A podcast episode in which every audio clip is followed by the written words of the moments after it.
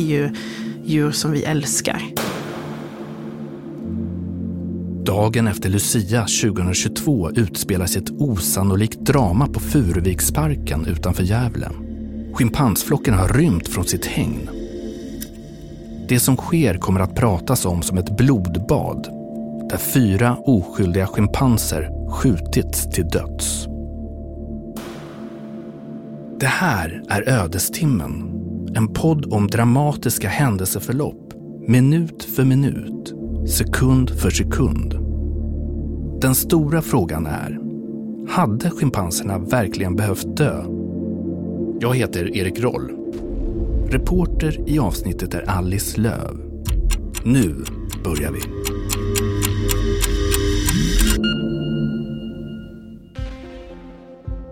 Jag sitter och jobbar i min mail och klockan är lunchtid så att jag planerar också att jag strax ska gå ner och värma min matlåda när jag får ett telefonsamtal av vår djurchef. Ödestimmen börjar den 14 december 2022 klockan 12.20. Jag hälsar glatt, som jag alltid gör, när en kollega ringer. Furuviksparkens VD Sandra Wilke sitter och jobbar på huvudkontoret en bit bort från parken när telefonen ringer. Och sen hör jag på rösten att det är någonting som inte står rätt till. Schimpanserna är lösa i sitt hus. Parkens sju schimpanser har tagit sig ut från sitt hägn och är nu lösa inne i aphuset. För en utomstående är det svårt att förstå hur den här rymningen skulle kunna resultera i det som senare kommer att ske den här dagen. Det är vintersäsong, inga besökare finns i parken och kompetent personal som känner djuren finns på plats. Det här får inte hända. Det känns väldigt, eh, på ett sätt, overkligt. Sandra Wilke står med telefonen i handen och försöker förstå innebörden av det hon just hört att schimpanserna har rymt. Nu springer de runt lösa i den vita byggnaden som kallas för aphuset och som ligger bara en kort promenad från entrén. Det här är det mest ofattbara vi kan vara med om. Det första som möter en när man kommer in i aphuset är schimpanshägnen. Längs en smalare gång finns stora akvarium med reptiler och längst in en regnskog där små apor, ormar, sköldpaddor och spindlar lever utan glas mellan besökarna och djuren. När schimpanserna nu har rymt och är ute bland de andra djuren i huset innebär det inte bara en fara för smådjuren, men också för människorna på plats i parken. Jag frågar henne om kod röd har larmats. Kod röd är ett radioutrop parken använder när en allvarlig händelse skett till exempel när ett farligt djur tar sig ut och betyder att alla som är på plats ska inrymmas i närmsta säkra byggnad och låsa om sig. Nu måste alla sätta sig i säkerhet.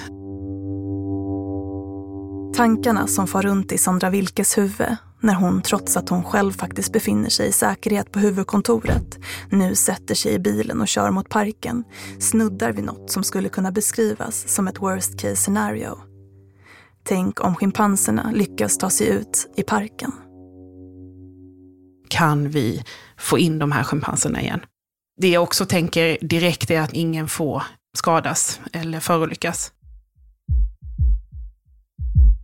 Det är mitt i smällkalla vintern. I Furuviksparken ligger ett flera decimeter tjockt lager snö. Termometern visar 17 minus. Luften är tung av allvar. Hur ska de få in schimpanserna igen? Där och då var det ju schimpanser lösa i huset. Där och då var det ingen schimpans som än hade setts ta sig ut i park. Men det kommer snart att ändras. I aphuset rör sig nu de sju schimpanserna fritt bland de andra reptilerna och småaporna som lever där. Schimpanserna heter Tjobbe, Maria Magdalena, Santino, Linda, Selma, Manda och Torsten. Men det är bara en tidsfråga innan de är ute i den snötäckta parken. För de har redan börjat skruva på fönstervreden. Everyone knows therapy is great for solving problems. But getting therapy has its own problems too. Like finding the right therapist, fitting into their schedule, and of course, the cost. Well, BetterHelp can solve those problems. It's totally online and built around your schedule. It's surprisingly affordable too. Connect with a credentialed therapist by phone, video, or online chat, all from the comfort of your home.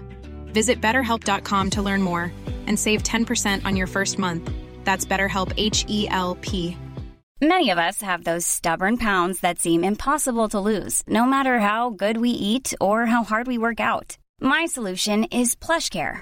PlushCare is a leading telehealth provider with doctors who are there for you day and night to partner with you in your weight loss journey. They can prescribe FDA-approved weight loss medications like Wagovi and Zepbound for those who qualify.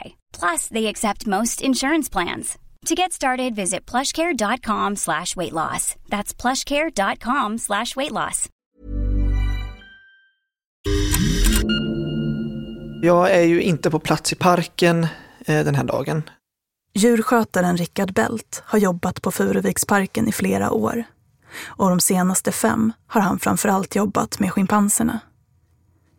Men den här dagen är inte en vanlig arbetsdag för Rickard. Han är i Gävle, drygt en mil från djurparken och har utbildning med facket.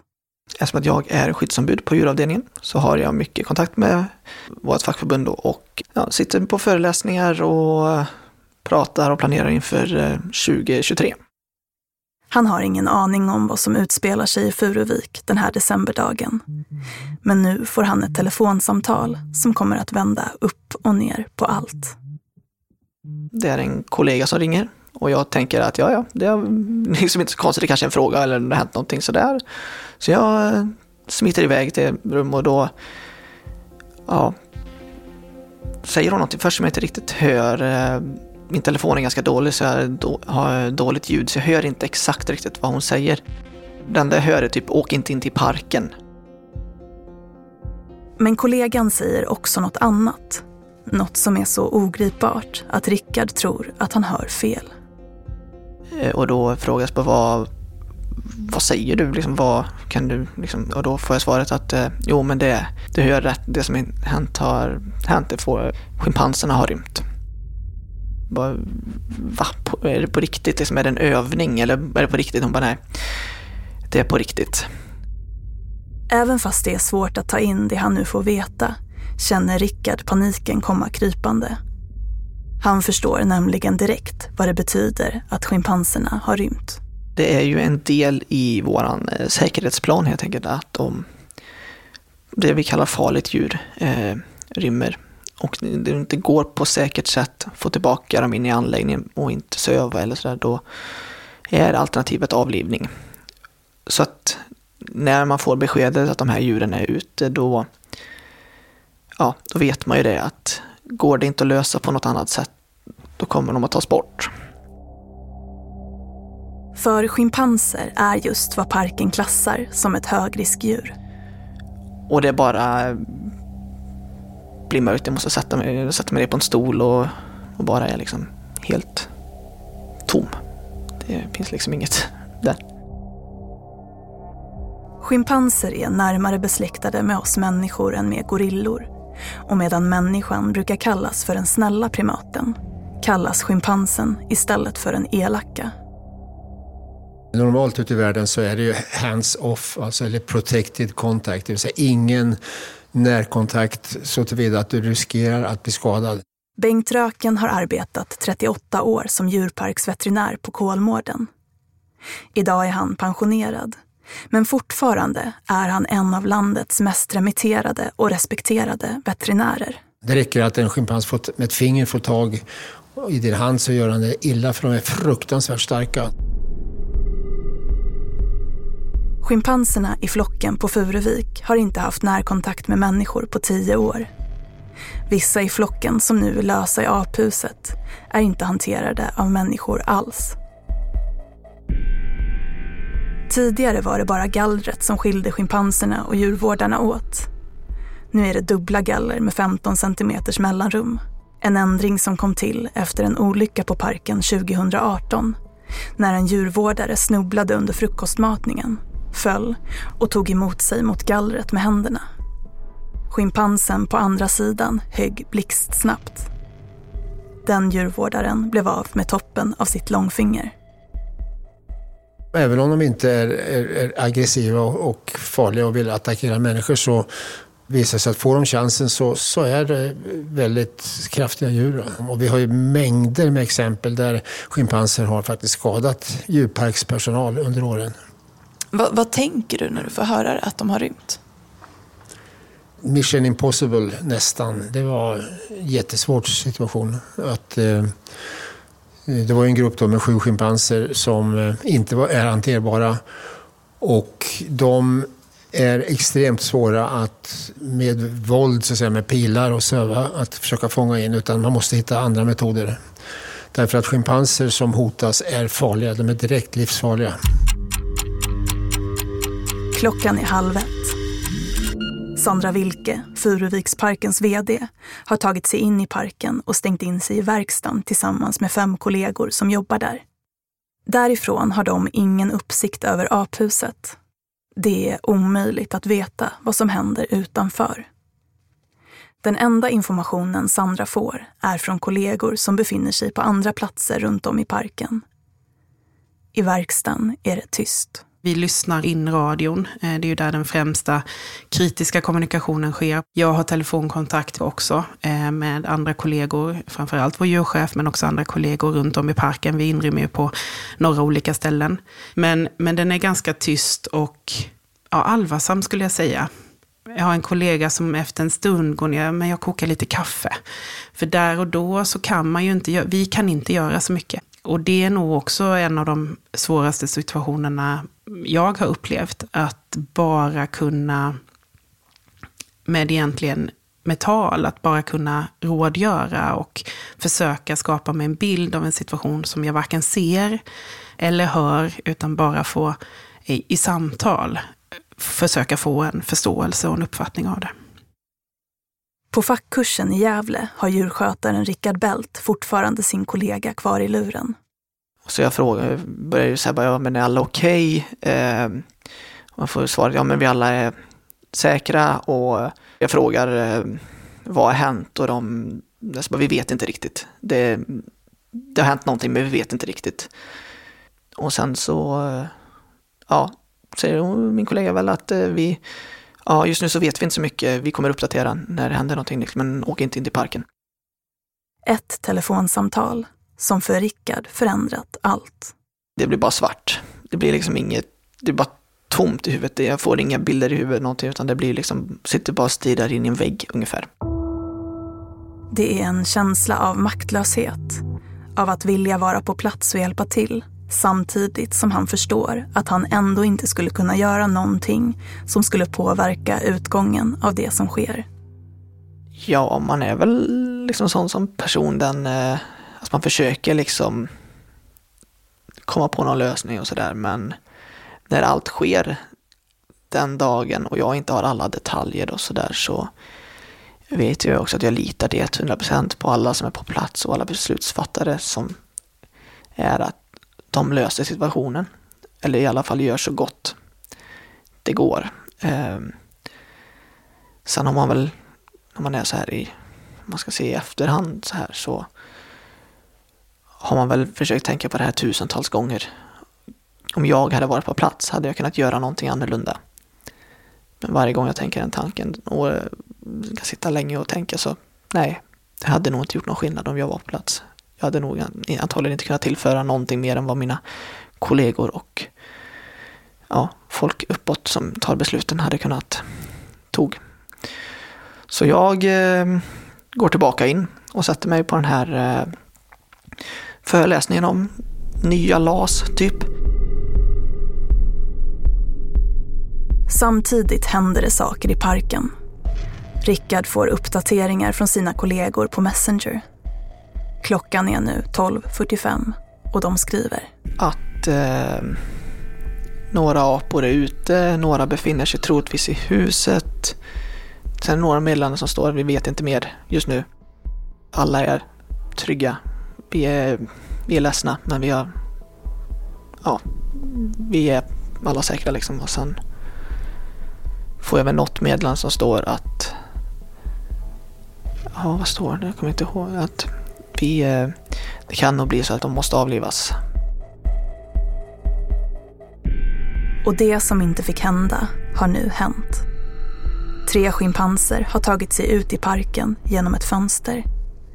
Det är 42-åriga Linda, 3-åriga Torsten och 19-åriga Tjobbe. På något sätt att det ändå eskalerar till det, kanske ytterligare det steget som vi aldrig någonsin vill hamna i. Att vi har lösa schimpanser i parken eh, och måste eh, anpassa situationen efter det. Från djurkontoret alldeles intill aphuset ser djurvårdare som gömmer sig där tre svarta gestalter klättra ut i parken och försvinna bort. De ringer Sandra Wilke som är kvar i verkstaden. Där tar vi beslut, men vi måste få in eftersök som vi kallar det. Alltså vi måste få in människor i säkra bilar som kan leta efter schimpanserna. För att de var ju synliga ganska kort tid och sen så försvann de iväg. Och då hade vi heller inte längre någon uppfattning om vad är de? Och där man, vi också eh, måste varna omvärlden. Så där, vi larmar ju polisen direkt när det här inträffar. Att nu har vi lösa schimpanser i schimpanshuset. Och sen så ytterligare en gång när vi vet att de faktiskt har tagits ut. Eh, så att polisen är uppmärksam på ja, allting utanför parken. Då. Blåljusen reflekteras i den vita snön. Polisen är snabbt på plats utanför parken och två bilar som eftersöker schimpanserna cirkulerar runt inne på området. I dem sitter skyttar med skarpladdade kulgevär och hagelbössor. Men var schimpanserna är vet man inte. Det har gått några minuter sedan man sist såg dem. Klockan tickar.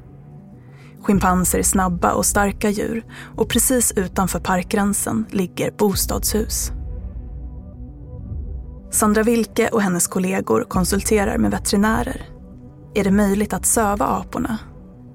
Kan man locka in dem någonstans och i så fall var? Ytterligare ett problem har nu uppstått.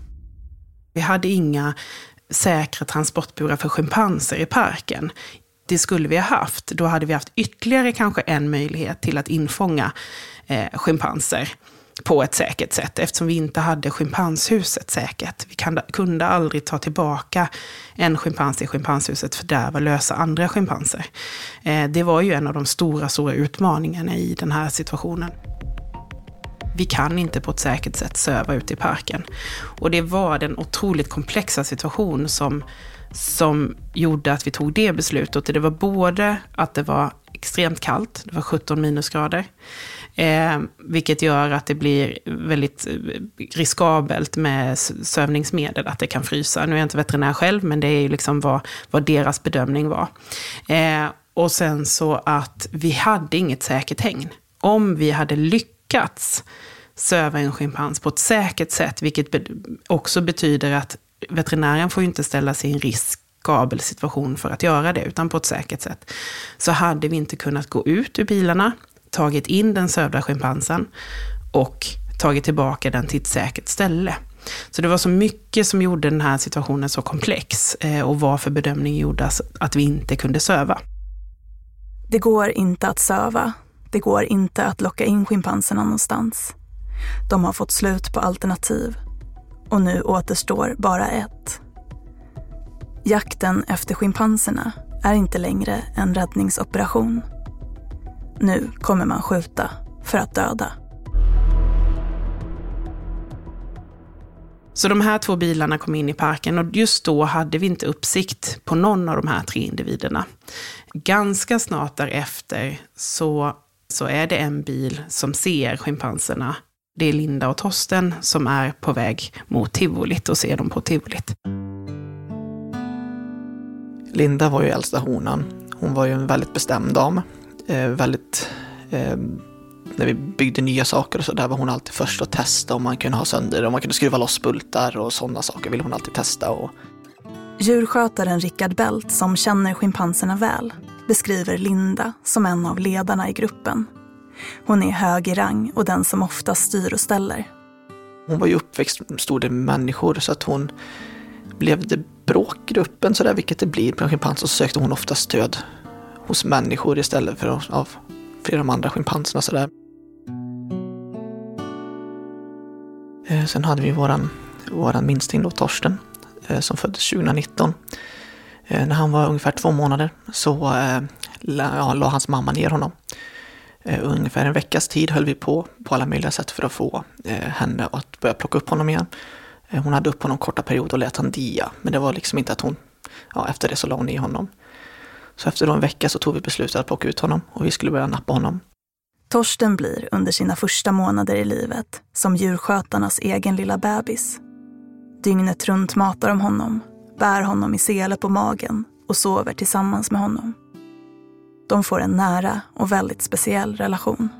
Han var ju som vilket barn som helst, mycket leka, väldigt mycket aktiv. Eh, lekte antingen med oss eller med de andra schimpanserna, höll dem igång. Väldigt så, tyckte det var väldigt kul när vi hade ju börjat att träna lite honom med att visa fötter och träna med targetpinne och sådär. Mest på lek, det tyckte han var väldigt kul. Eh, så att han var väldigt liksom, pigg och glad liten treåring liksom.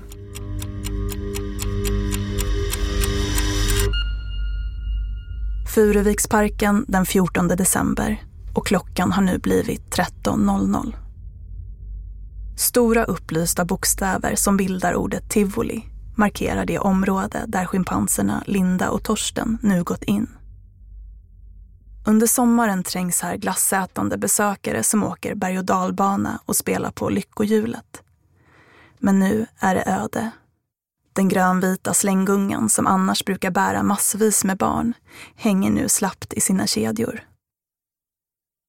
Linda och Torsten är på upptäcktsfärd, omedvetna om vad som inom några minuter kommer att hända. De har upptäckts av en av de eftersökande bilarna, där skyttar sitter redo att skjuta. Då har eh, bilen som eftersöker och eh, vår djurchef kommunikation eh, om, alltså kring schimpansernas beteende. Är de på väg tillbaka? Vad gör de? Hur känns de? Så. Eh, där gör vi bedömningen att de är inte på väg tillbaka. Det är ganska nära vår parkgräns ut i samhället på det hållet eh, från tivolit sett eh, och gör, tar beslutet om att vi avlivar de två. Då. Klockan är 13.05 och skyddad i bilen laddar skytten sitt gevär. Siktar genom glipan i bilfönstret på 42-åriga Linda och skjuter. Skottet träffar i bröstkorgen och hon faller till marken. Hon dör omedelbart. Vad som händer under de kommande tio minuterna vet vi inte. Men 13.15 skjuts också treåriga Torsten. Han träffas i halsen och skottet gör att ryggmärgen slits av. Han blir snabbt förlamad och slutar andas. Också han dör omedelbart. Jag minns inte exakt, kanske en kvart, 20 minuter. Kanske, kanske till en halvtimme. Får jag nästa samtal och då berättar min kollega att eh, Linda och Torsten är avlivade. På fackkursen i Gävle ringer Rickard Belts telefon för andra gången den här dagen. Nu med dödsbesked. Och då ja, bryter jag bara ihop. Liksom. Jag börjar gråta och det är liksom bara svartnar för ögonen mer eller mindre. Liksom. Att man visste ju någonstans, eller man sitter och tänker att ja, men det kommer nog kunna ske. Att man behöver ta bort djur. Men när det väl är liksom på riktigt så eh, ja, det är bara ett mörker. Liksom.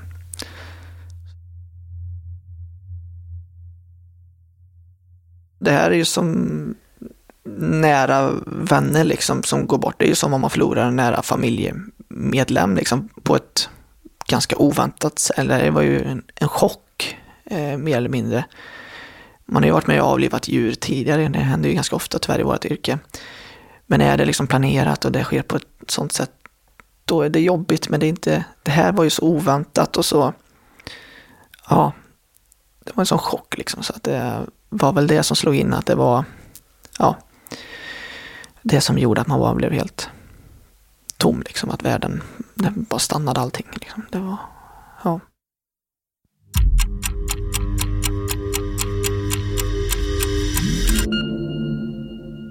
Klockan är 17 minuter över ett.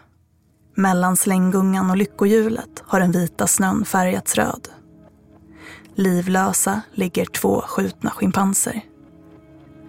Men det finns fortfarande fem schimpanser kvar som man inte har någon aning om var de är.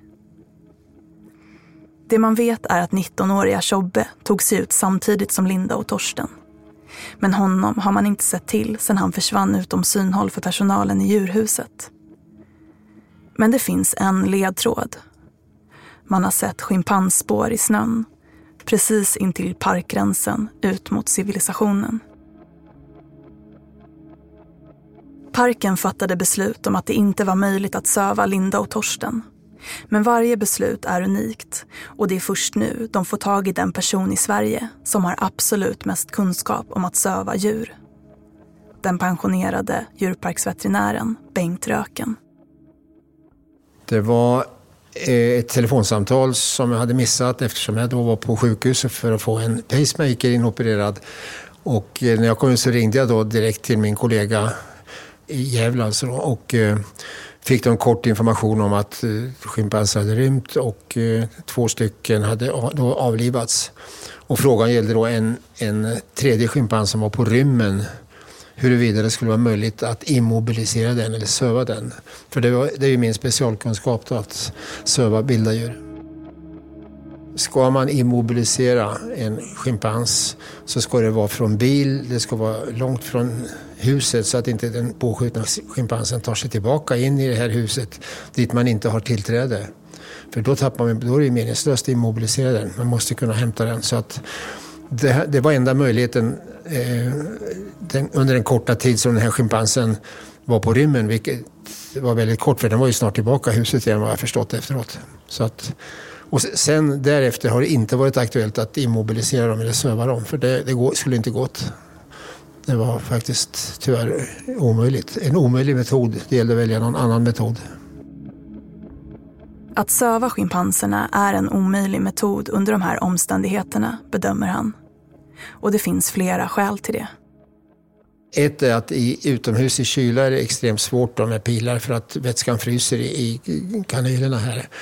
Eh, schimpanser är dessutom väldigt väl medvetna om, om de blir träffade, eh, att de avlägsnar pilen direkt innan den hinner tömma. För det tar alltså en, nästan en sekund innan vätskan har injicerats och då är pilen redan borta.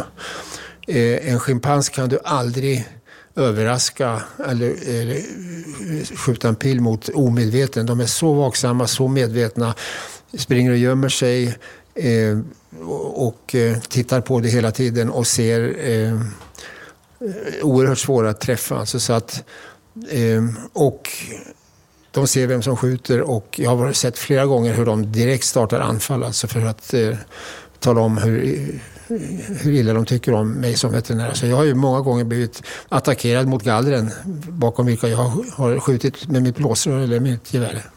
Hur då? Hur menar du? De, de ser när eh, jag skjuter pilen och kommer, skriker och attackerar direkt. Alltså, och hade de en chans skulle de ju ta och lemlästa mig, tveklöst. Om man mot all förmodan skulle få in en träff tar det mellan fem och åtta minuter för sömnmedlet att verka. Och Bengt Röken säger att schimpanserna under den tiden kan göra stor skada, både på andra men också på sig själva. Vi har ju sett till exempel i anläggningar sommartid hur, hur djur kan gå i vatten och drunkna innan vi får tag i dem. Eh, de kan trilla och klättra upp i träd, somna där uppe och sen så, när de somnar så trillar de ner. Så att är många riskfaktorer är inblandade. Och i det här fallet så, så gäller det att eh, eftersom det var kallt att den inte lägger, hamnar på ett ställe där den kan frysa ihjäl. För att faktiskt ligga sövd här i tre timmar i sån här stark kyla, det är inte hälsosamt.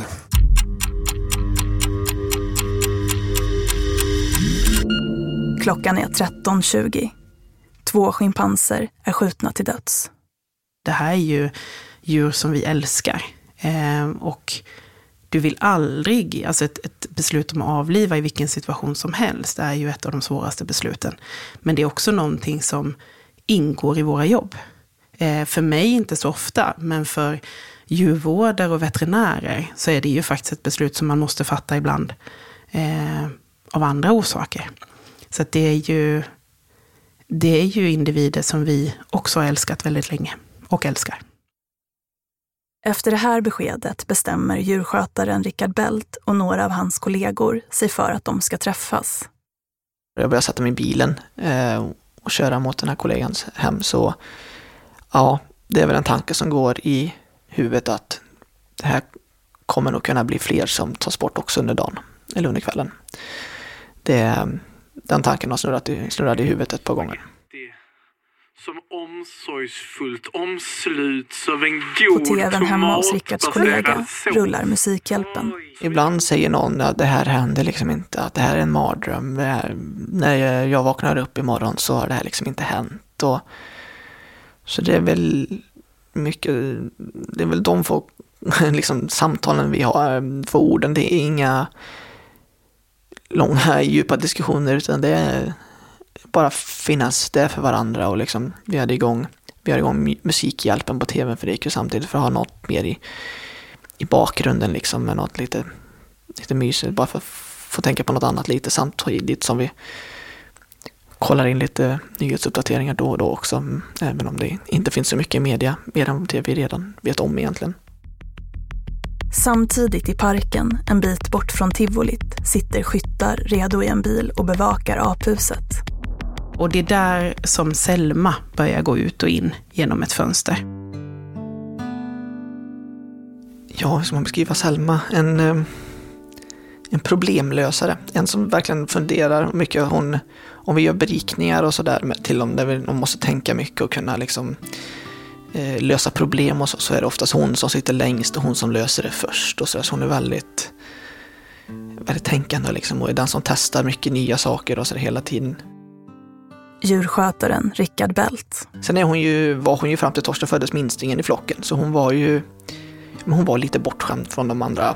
Eh, speciellt Santino och eh, Manda kunde skämma bort henne lite väl mycket. Så att hon fick bestämma mycket mer än vad en schimpans i hennes ålder, som egentligen ska vara ganska låg i rang, hon var, fick göra ganska mycket mer än hon skulle. Så hon har varit lite bortskämd under sin uppväxt, Selma.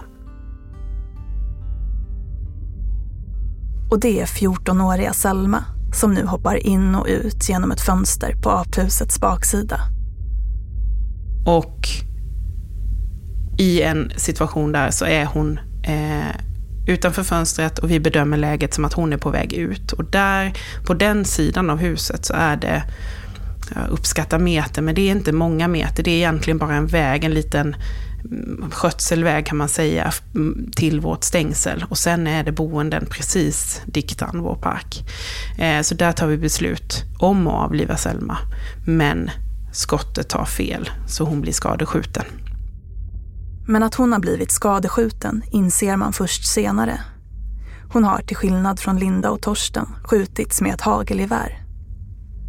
Veterinären Bengt Röken. Det var ju grova hagel, det var inte vanliga små fina hagel man skjuter harar och rävar med, utan eh, det var grova hagel och det har vi i, hade vi på Kolmården också som säkerhet eh, för närkontakt med rovdjur eller farliga djur.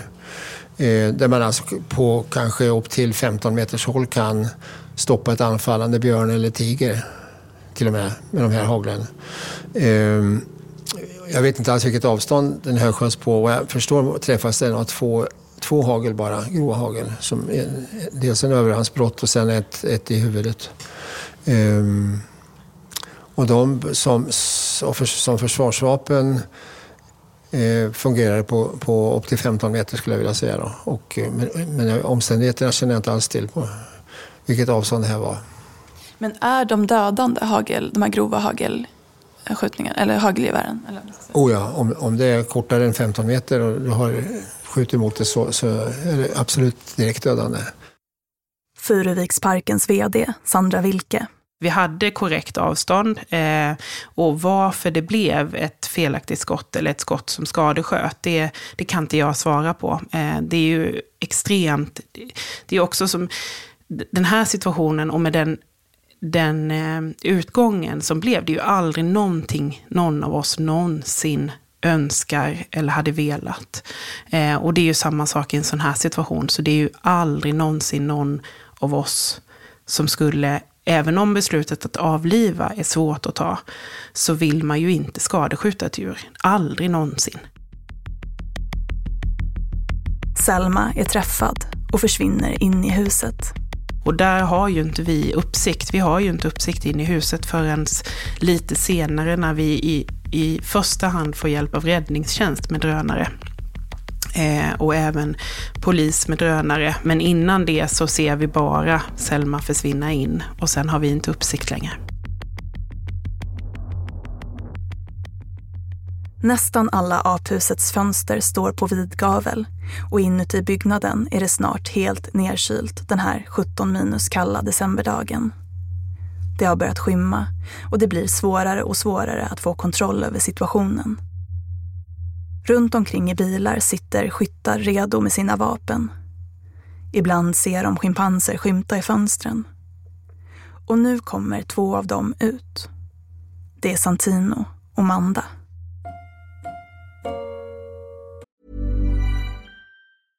Hey, I'm Ryan Reynolds. At Mint Mobile, we like to do the opposite of what Big Wireless does. They charge you a lot, we charge you a little. So naturally, when they announced they'd be raising their prices due to inflation, we decided to deflate our prices due to not hating you. That's right. We're cutting the price of Mint Unlimited from $30 a month to just $15 a month. Give it a try at mintmobile.com slash switch. $45 upfront for three months plus taxes and fees. Promote for new customers for limited time. Unlimited more than 40 gigabytes per month. Slows. Full terms at mintmobile.com. Hey, it's Ryan Reynolds, and I'm here with Keith, co-star of my upcoming film, If, only in theaters May 17th. Do you want to tell people the big news? All right, I'll do it. Sign up now and you'll get unlimited for $15 a month in six months of Paramount Plus Essential Plan on us. Mintmobile.com slash switch. Upfront payment of $45 equivalent to $15 per month. Unlimited over 40 gigabytes per month. Face lower speeds. Videos at 480p. Active Mint customers by 531.24 get six months of Paramount Plus Essential Plan. Auto renews after six months. Offer ends May 31st, 2024. Separate Paramount Plus registration required. Terms and conditions apply if rated PG.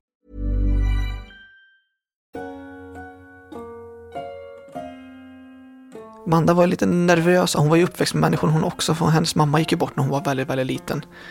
Ehm, så hon var väldigt nervös av sig sådär. Ehm, kunde leka när hon hade humöret till, men hon var också väldigt snabbt att skifta. Kunde bli arg på en. Liksom så här, att de kunde leka och sen så om man kom lite för nära då skulle hon försöka få tag i en och riva en i, ja, i fingrar eller i få tag i kläder och sådär. Så hon var lite lurig men också lite så jag tyckte det var lite läskigt att vara själv och tyckte det var lite läskigt med mörker och sådär. Men ja, oftast väldigt glad. Djurskötaren Rickard Bält. Santino var ju en gammal farbror. När jag jobbade med honom så var han ju redan ja, äldre liksom, så han var lite, lite stel och sådär. Men en väldigt liksom, tänkande schimpans. Han vill gärna sitta och kika och titta på folk och antingen oss eller våra gäster. Det var ju typ det bästa som fanns på våren. Det var ju att han kunde sitta och titta på folk när det började komma något annat än bara oss djurvårdare.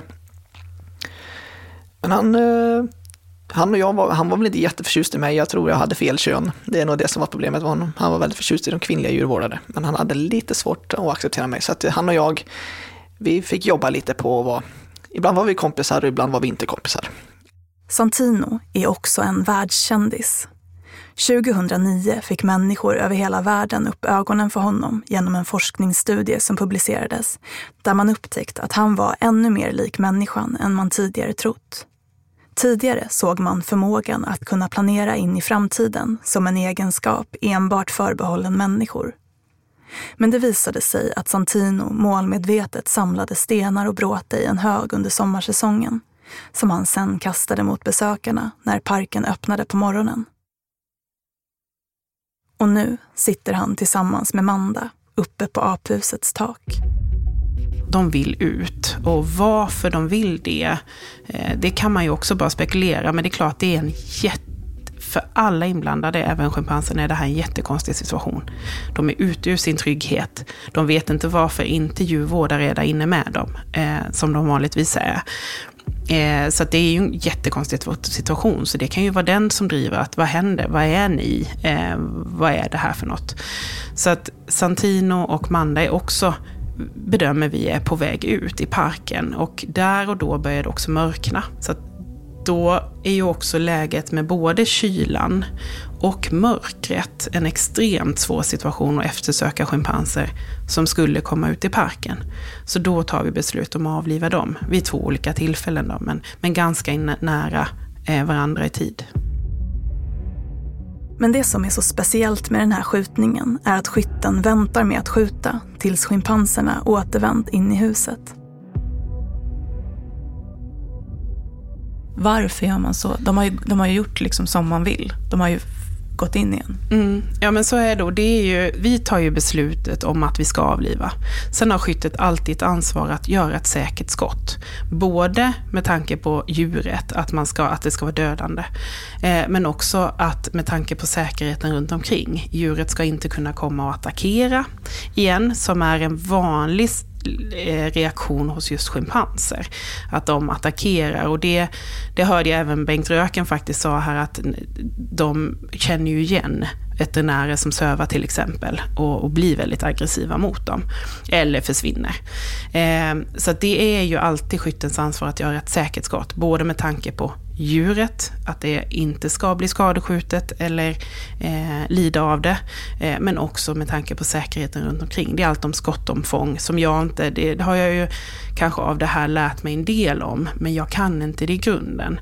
Så det är ju för att kunna göra ett säkert skott, både för djuret men också för säkerheten runt omkring. Att inte eh, djuret ska kunna attackera tillbaka igen.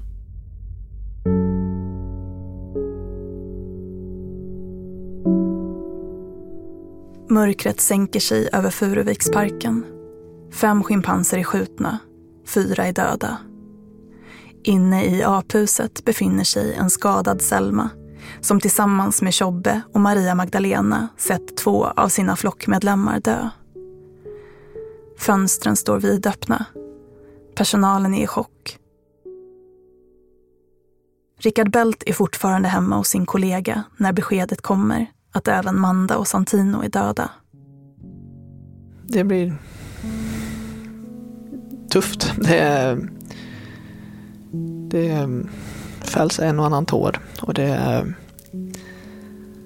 ja, ungefär lite som Belinda och Torsten. Att det blir liksom inget stort utan man bara finns där för varandra liksom. Och bara ja, blir ledsen. Det blir väldigt tyst stämning liksom där i, så. Vi visste ju om att det skulle kunna ske liksom att fler skulle tas bort så att det kom ju, det var ju chockartat men det var ju liksom inte samtidigt någon, ska man säga, superchock just att, ja men det, ja, det var tufft liksom. Eller det är tufft. Det, ja, det är jobbigt.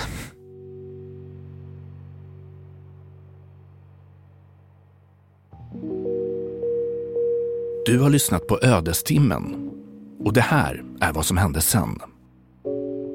Det kommer ta tre dagar innan man lyckas stänga in schimpanserna igen. Det visar sig att Selma som blev träffad men inte dog har en bruten överarm och har blivit blind på det ena ögat av hagelsplitter. På lördagen den 17 december upptäcker man att flera andra djur som lever i huset är skadade eller till och med döda.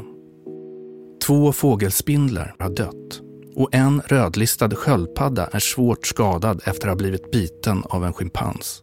Ja, jag var ju med eh, på, på lördagen när vi, eller jag befann mig i huset. Vi hade ju, eh, kvällen innan så säkrade vi ju det vi kallar regnskogen. Eh, där vi har småapor och reptiler och sådär. Så att när schimpanserna säkras vid nio tiden på morgonen så befinner jag mig inne i regnskogen och kollar igenom våra reptiler och våra småapor och så här, ser så att hur allt mår. Det är som att värmen och sådär gått sönder och det var kallt ute så det var ju bara några grader varmt. Eh, men så att eh, på lördagen är man ju kvar länge liksom och på måndagen ska man väl jobba som allt är ju, det är inte som vanligt men man så det är ju en konstig känsla. Eh, vi är ju två som jobbar med schimpanserna den dagen. Vanligtvis jobbar vi själva. Men för att ingen av oss ska jobba själv på morgonen. Så då... Eh,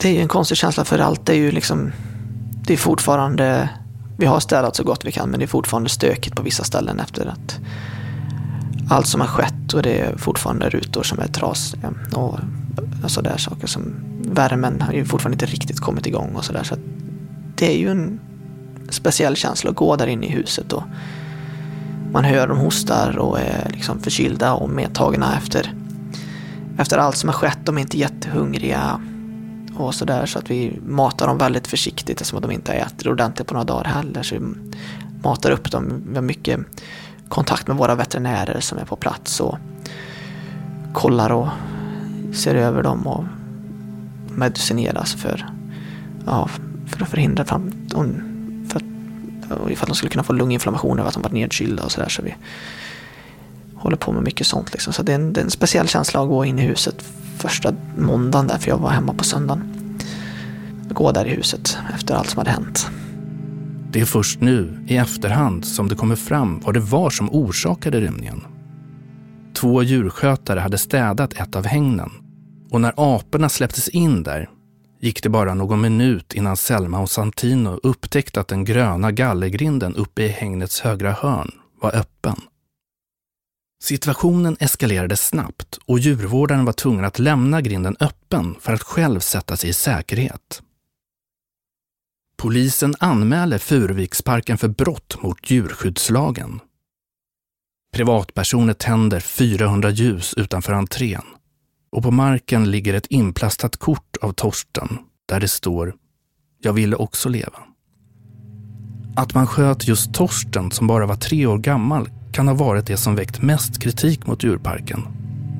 Först påstod man från parkens sida att beslutet att skjuta även honom grundades på den felaktiga faktan att han, även om han var liten, hade styrkan av en vuxen människa och kunde göra stor skada. En liten schimpans kan göra skada på en människa, även om de inte är så starka eh, som en vuxen schimpans som faktiskt kan döda, så kan den göra skada. Men det är också den här otroligt svåra situationen att vi hade fler lösa schimpanser i parken. Vi hade Tjobbe som vi inte visste vad han var. Vi hade inte på ett säkert sätt kunnat ta, ta oss ut och hämta Torsten. Eh, utan då hade ju alternativet varit att lämna honom. Och det är inte heller säkert, varken för honom eller någon annan. Vi hade ju aldrig, det är också den där tiden. Vad hade hänt om han då själv, rädd, hade hoppat över eller hoppat ut? För han kanske inte hade kunnat ta sig in igen. Så det handlar ju om både att en, även en liten schimpans kan göra skada på en människa. Men absolut främst att vi inte på ett säkert sätt kunde ta oss ut och hämta honom. Och vi hade heller ingen egentligen säker plats för honom heller att ta sig in igen. Ehm, då också visste vi ju, vi visste att Chobba tagits ut ur huset. Vi hade inte där och då uppsikt över husets alla sidor. Så möjligheten att fler hade tagits ut utan att vi visste om det var ju ett faktum. Så vi visste inte varken vad Tjobbe var eller vad egentligen övriga eh, var vid det här tillfället heller. En treårig schimpans är ju inte alls samma hot som en vuxen, vuxen schimpans. Vi ska veta att de här schimpanserna väger alltså mellan 40 och 60 kilo de vuxna och är mångdubbelt starkare än människor. Så att, att medan en, en, en, en eh, liten schimpans kan vara nog så stark men inte utgöra det, det fysiska hotet som men en vuxen schimpans lemlästar människor om, om man kommer i konfrontation. Så är det. Men att de är starka, de har starka fingrar och de kan, kan eh, slåss på ett sätt som gör att, att du, du, hur ska du hantera en liten skrikande schimpans som, som försvarar sig? Eh, schimpanserna idag skulle jag säga mår bra. Eh, Tjobbe och Maggan är ju 100% återställda ja, från allt. Eh, och är pigga och sådär. Selma Eh, blev ju då så att skadad i arm och öga. Armen är, ja det märks inte eh, när hon klättrar eller sådär. Hon har inga liksom, men alls över armen utan den använder hon som vanligt och har gjort i, ja det är väl säkert två månaders tid utan några konstigheter. Ögat är ju tyvärr skadat och kommer ju aldrig bli bra. Men hon verkar inte liksom påverkad av det. Eh, hon var lite grann i början. Eh, hon hade ju antagligen ont också sådär, men eh, hon hade ont. Eh, och var väl inte van vid att bara kunna se på ett öga, men nu Nej, hon uppför sig ungefär som vanligt. Det är liksom inget, man ser inga tydliga beteendeförändringar på dem eller någonting, utan det är ungefär som det är i en schimpansgrupp. Eh, nu är ju schimpansgruppen väldigt liten, men det är ja, det är liksom inget eh, som man går och tänker på att de mår dåligt över någonting, utan de är, de är pigga och krya allihopa. Det har nu gått en tid sedan rymningen. Schimpansgruppen har börjat anpassa sig till den nya situationen. Så även alla parkens anställda. Men minnet av den 14 december är fortfarande smärtfyllt och ständigt närvarande. Jag har känt väldigt länge att det är som en mardröm, liksom i känsla. Att det är svårt att ta på. Har vi varit med om det verkligen? Men ju mer man pratar om det och ju mer vi har utvärderat det och eh, liksom någonstans också det blir liksom en lite, det är klart det blir en existenskris. Eh, vilken djurpark vill vi vara framåt? Hur ska vi jobba med säkerheten? Vad behöver vi utveckla? Vad behöver vi förbättra? Det är någonting jag kommer bära med mig alltid. Och det, det gör en skillnad tror jag för mig som person. Både själva situationen där och då, en 70 timmar lång kris som fick en så otroligt tragisk utgång. Men också i allt arbete och allt, liksom, bara våra relationer mellan oss i parken, kollegor som har mått otroligt dåligt. Eh, och där vi liksom hela tiden, även idag, pratar och jobbar med det. Så det, det kommer alltid finnas med. Och det är svår, den här mardrömskänslan, alltså den här overklighetskänslan kanske lite har tonats av. Att det känns lite mer verkligt, att vad vi har varit med om. Men eh, den är ju kvar i allra högsta grad, varje dag. Ja, man tänker på det lite i... För två dagar sedan var det ju ett halvår sedan det hände. Och då... Eh, ja, när man tänker på det så kommer man ju tillbaka till de här liksom bara känslan av eh, tomhet och mörker. Liksom. Det, det, är fortfarande, även om man jobbar mycket med det och pratar mycket om det sådär för att någonstans ta sig igenom det. Men ibland sätter man sig verkligen in hur hjälplös man kände sig den här dagen när det skedde. Eh, men ja, det, nu är ju fokus på att göra liksom, schimpanserna och, att, och våra andra djur såklart att de ska ha det så bra som möjligt. Så man är ju här och är är så stark man kan vara och liksom verkligen ger 100% för att de ska må de ska må så bra som möjligt. Så får man själv komma lite i, i bakgrunden. Det är, det är djuren som är det viktigaste för oss och har alltid varit och kommer alltid vara.